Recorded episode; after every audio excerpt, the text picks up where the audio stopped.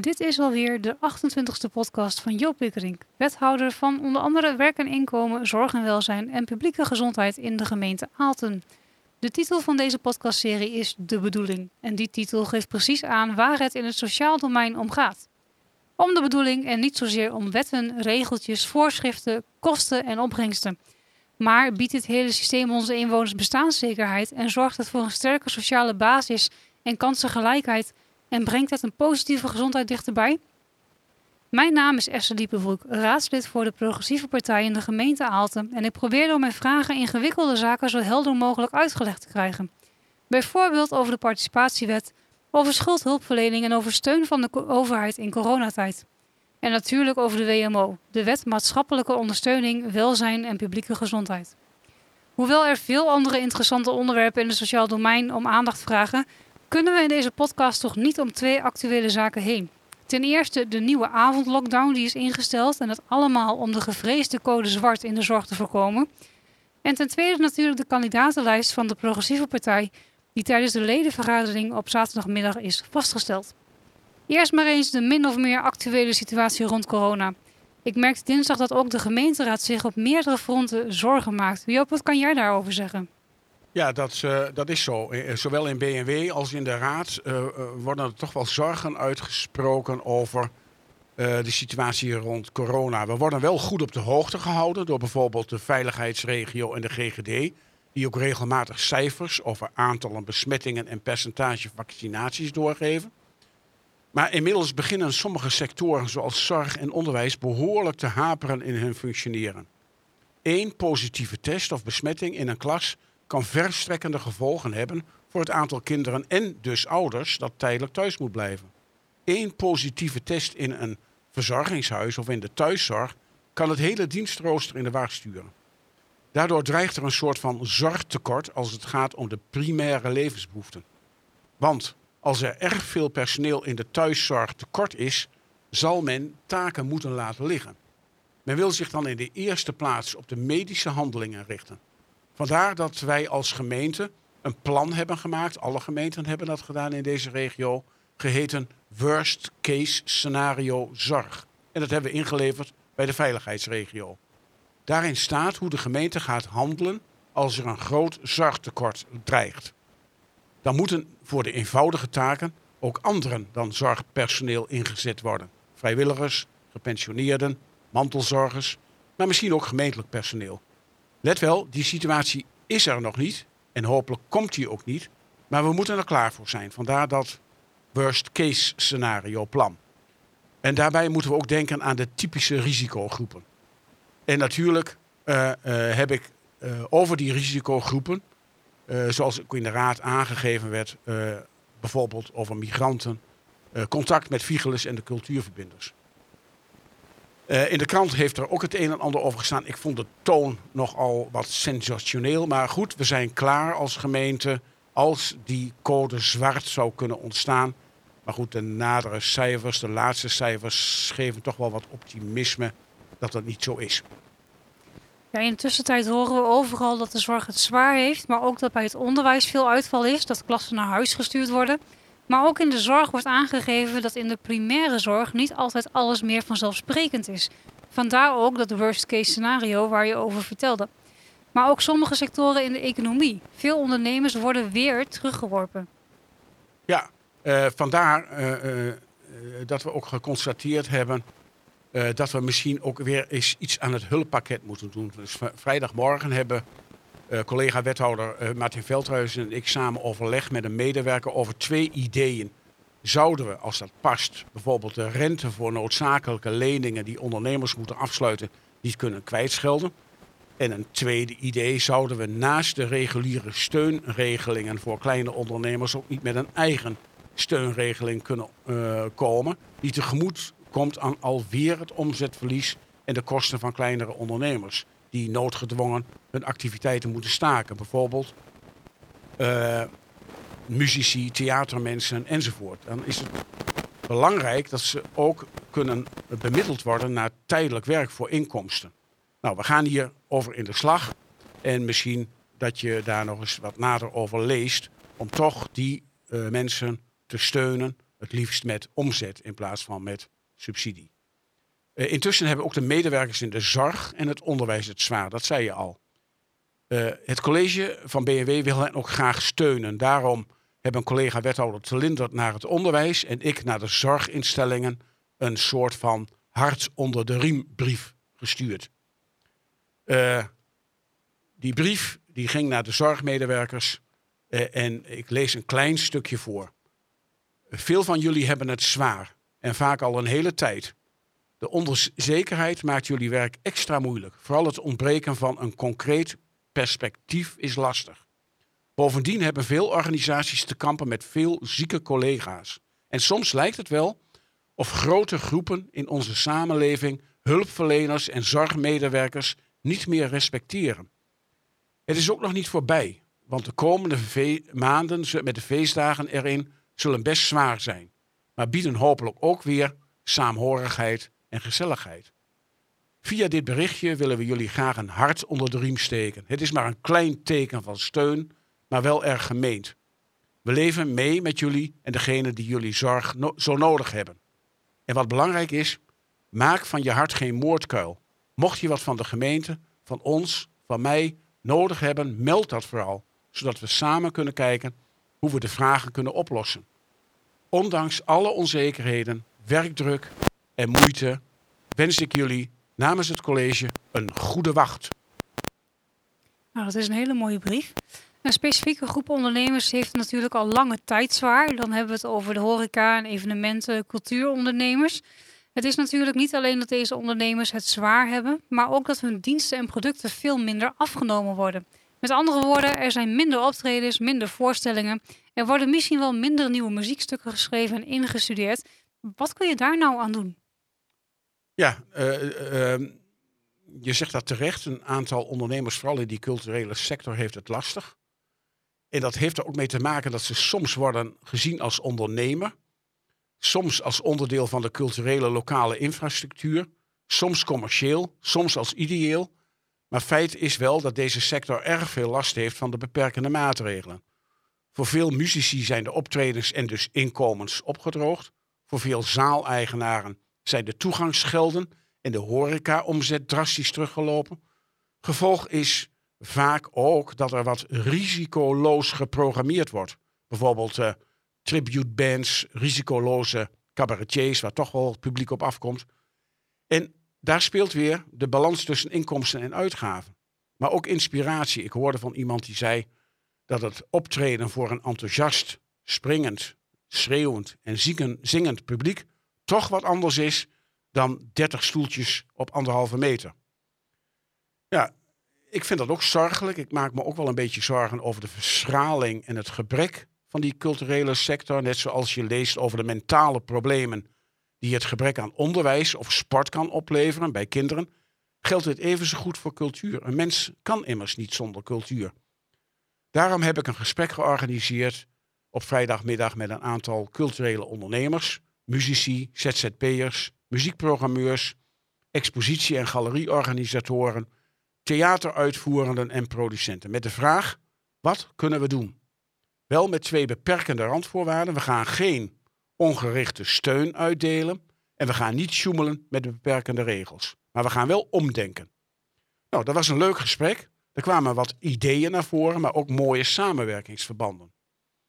Uh, de creatievelingen gaan eens kijken of ze een soort jaarprogramma kunnen maken met elkaar, met vooral intersectoraal. Dus samen met scholen, zorginstellingen, speeltuinen. Dus zeiden we, sleep die jongeren en ouderen met de haren bij cultuur. Dat is immers de levensadem voor de samenleving. Dus er wordt iets uitgebroed en ik wacht uh, met spanning af waar de creatievelingen mee komen. Nou, hier, die spanning heb ik ook. We gaan het zien. Ik uh, zie op de sociale media dat je de geschiedenis van de politiek in de gemeente Aalten bent ingedoken.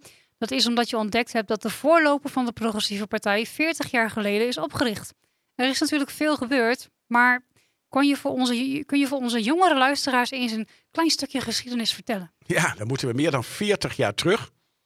Uh, want uh, uh, in het najaar 1981, eigenlijk om precies te zijn op 5 december 1981, dus precies 40 jaar geleden, werd een nieuwe politieke vereniging gevormd. En dat die vereniging die luisterde naar de enorme lange naam Plaatselijk Beraad van PPR, PSP, EVP en anderen.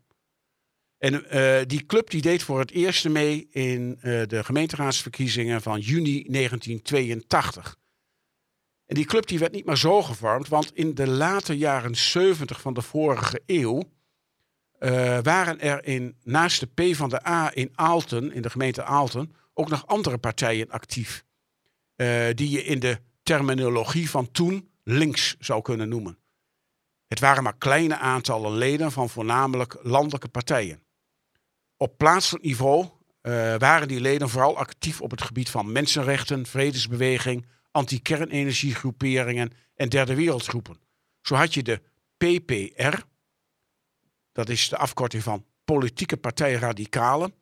In de Tweede Kamer onder andere vertegenwoordigd door Bas de Gaai, Fortman en Ria Bekkers. Je had de PSP, de Pacifistisch-Socialistische Partij. In de Tweede Kamer onder andere vertegenwoordigd door Fred van der Spek, Bram van der Lek en André van Es. En je had de EVP, de Evangelische Volkspartij, in de Tweede Kamer vertegenwoordigd door Kati Ubels. Nou, dat is echt iets voor historici.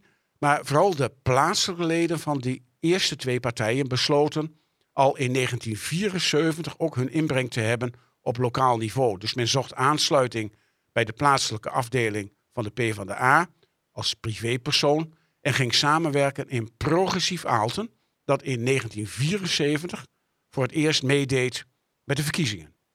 Eén lid van de PPR, Pim van Evert, kwam toen in de raad. Nou, er gebeurde van alles.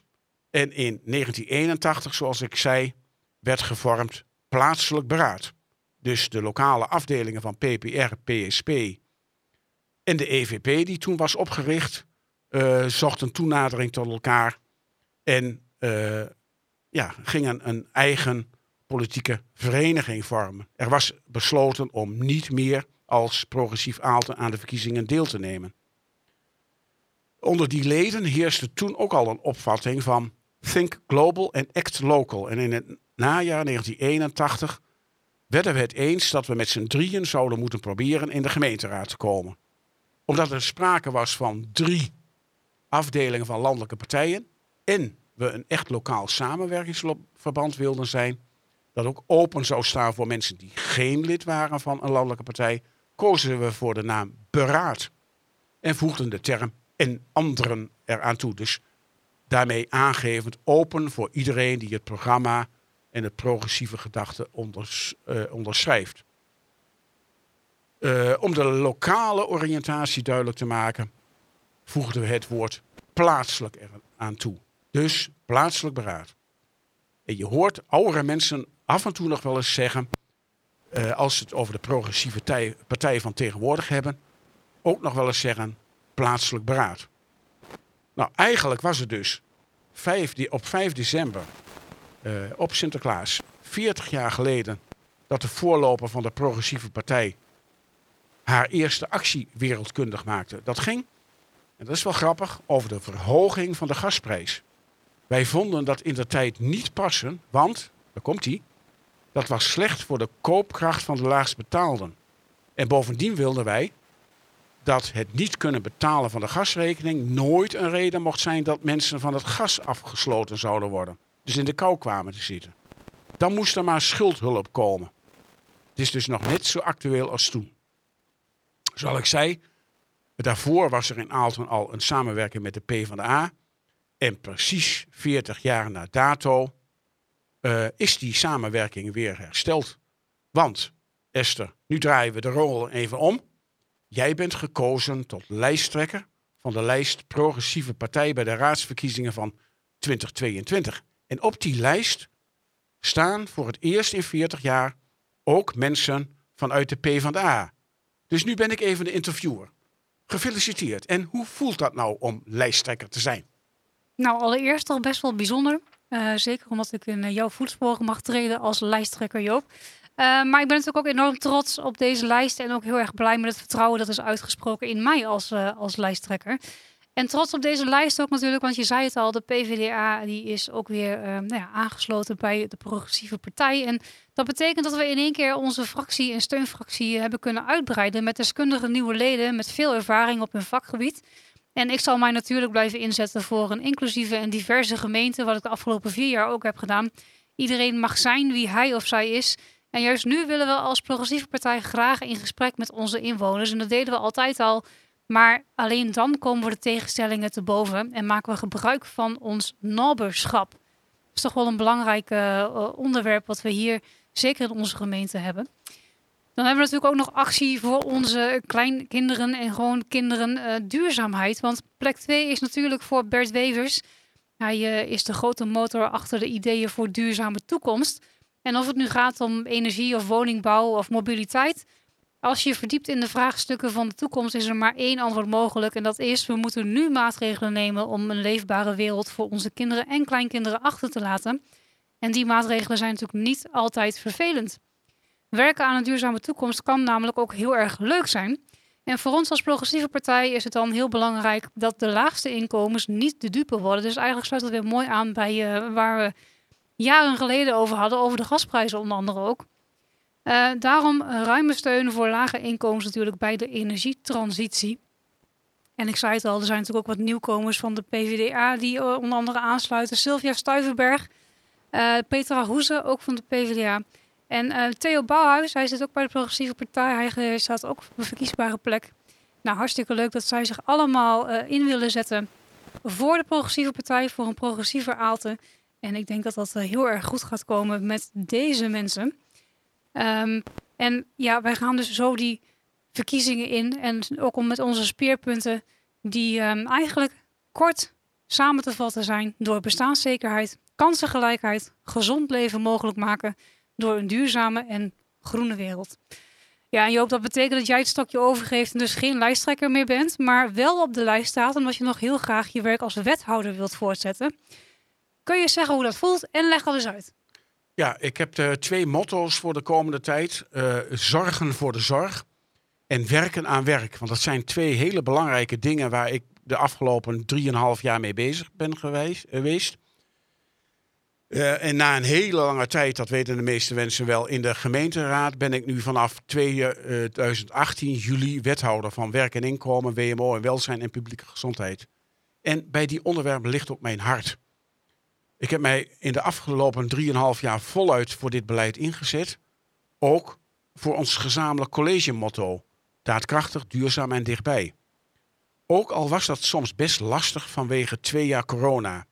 Veel van de ontwikkelingen op het terrein van zorg en werk spelen zich op regionaal niveau af. Daarbij heb ik geprobeerd mijn partijtje voor Aalten in de regio mee te blazen. En dat gaat best wel goed. Vanmorgen nog heb ik met twee colleges gesproken, Oude IJsselstreek en Oost-Gelre, over Achterhoek Gezond, onze nieuwe manier van omgaan met gezondheid en preventie. Daarom wil ik nog ontzettend graag een periode wethouder blijven om deze beweging door te zetten. Vier jaar met twee jaar corona is eigenlijk te kort om de noodzakelijke veranderingen duurzaam in gang te zetten. En die noodzaak tot veranderen is groot. Een nieuwe kijk op gezondheid en gedrag, werk en inkomen zijn keihard nodig voor een inclusieve samenleving. En dat betekent dus uh, dat ik niet meer in de raad terugkeer. Wel, als het kan, en daar uh, hebben natuurlijk verkiezingen mee te maken en onderhandelingen, heel graag in het college. En dan samen met de huidige collegeleden verder bouwen met de raad aan onze inclusieve samenleving. En uh, dat geeft in onze fractie ook ruimte voor vernieuwing van onderop. En dat was best wel even spannend of wij een mooie lijst konden samenstellen. Ik heb alle vertrouwen in de lijst die we nu hebben. Zoals Esther al zei, uh, deskundige mensen, maar ook jonge, frisse mensen. Maar ook mensen met veel ervaring en veel kennis van het gemeentelijk bedrijf. Dus ik ga met een gerust hart uh, een stapje terug doen in de raad. Maar hoop dat onze uitslag zodanig is dat ik weer wethouder kan worden om dat hele mooie werk van zorgen voor de zorg en werken aan werk af te maken, door te zetten en in impulsen te blijven geven. Nou, dat zijn hele mooie woorden om uh, deze podcast mee af te sluiten. Dit was alweer de 28e. En uh, de volgende keer weet ik niet zeker of ik er nog bij ben. Maar anders word ik vervangen door Theo. Die kan dit ook heel erg goed. Uh, Joop, bedankt voor vandaag. En als mensen jouw vragen willen stellen, bijvoorbeeld over jouw wethouderschap of over de onderwerpen waar jij je mee bezighoudt, um, waar kunnen zij dan terecht? Ja, dat kan natuurlijk altijd per mail j.wikkerink apenstaartje aalten.nl. En uh, zoals hij zegt, misschien ben je de volgende keer er niet meer bij, want je gaat met zwangerschapsverlof. Ik uh, wens ja. je een hele fijne tijd. Ontspannen vooral. En uh, sterkte met alles wat komt. Ja, dankjewel. Ja. Dat ontspannen zal nog wel een moeilijke worden, denk ik. Maar we gaan maar ervoor. Dat, daar is zwangerschapsverlof wel voor bedoeld. Dat is zeker zo. bedankt Joop voor vandaag. En de luisteraars bedankt voor het luisteren. En tot de volgende keer.